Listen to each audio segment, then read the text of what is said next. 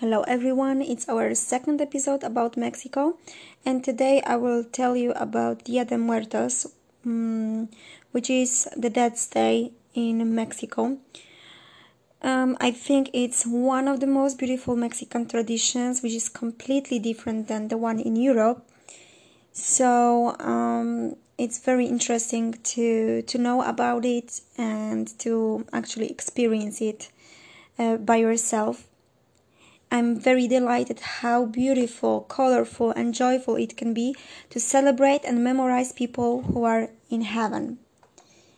So it's not sad like in here, you know, that we we celebrate our people who died and we we actually are sad about it. No, Mexican people can celebrate really um, joyfully and and I really love it about this country. So that was my great dream and main reason for visiting Mexico because um, I could see some movies about the tradition. Um, for example, cartoons like Coco or Book of Life, uh, which inspired me even more to visit uh, to visit Mexico during this time. And I knew that the best place to visit to celebrate is Oaxaca. I knew that because of my friends who actually live in Oaxaca, uh, Kayla and Jorge, and they tell, told me that if I really want to celebrate Dia de Muertos, I definitely should visit uh, Oaxaca. I'm very happy because I went there actually before uh, before 2nd of November. So I was able to see how local people decorate their houses and it was amazing. So um, Day of the Dead in Mexico uh, starts on November 2nd but the people celebrate several days. Is it it's worth to coming there earlier uh, to see what I have mentioned, to see how people uh, welcome their dead, uh, how they uh, decorate their houses, uh, how they are dancing, how they are making parades uh, to memorize um, their close people who are actually now in heaven, and also it's good to visit Oaxaca because it's um, the city is listed on UNESCO list just because of the celebration during the Day of the Dead. So, um, as I mentioned, I came to to Oaxaca before 2nd of November, and I was able to see um, all of the beautiful um, decorations and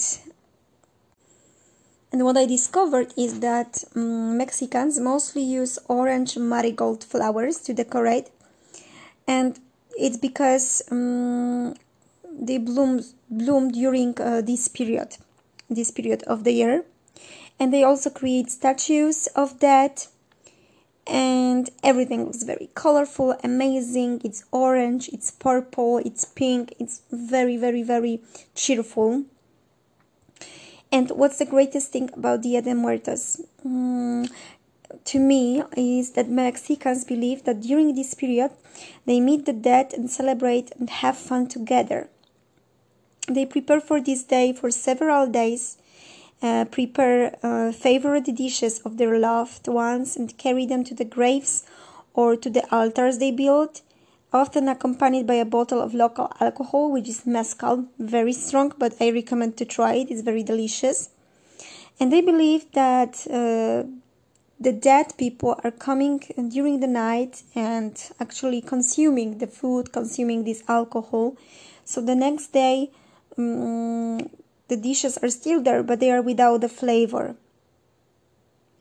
Um, what's the next beautiful thing is that the locals of Oaxaca wears beautiful festive clothes, paint their faces. They want to look like La Catrina, and uh, so so men mostly have on their faces an image of a skull, and the woman looks like the famous La Catrina.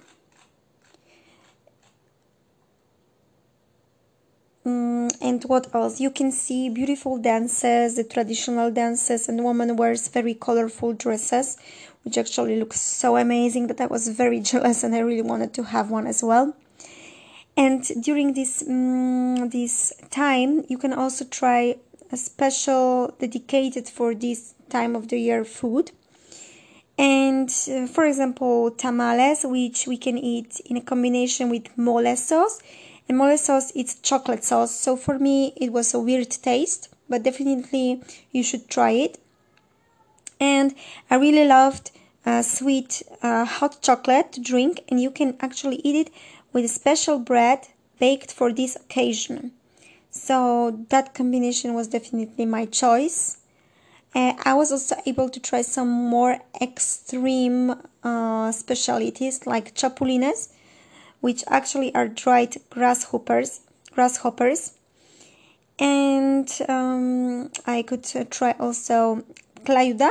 It's kind of like a pizza, but it's on a different bread and it's with fresh uh, veggies and meat. Very tasty, but really big. So um, definitely you can go there with a couple of friends or at least two people and you can share it together. So, um, to shorten it, I think that if you are interested in a culture, a different country, you should definitely go to Mexico during uh, Dia de Muertos and visit Oaxaca because it's very beautiful and it's really difficult to describe it because you really need to experience it um, by yourself. So I hope you enjoyed this pod- postca- podcast and we will meet again in the next one. See you.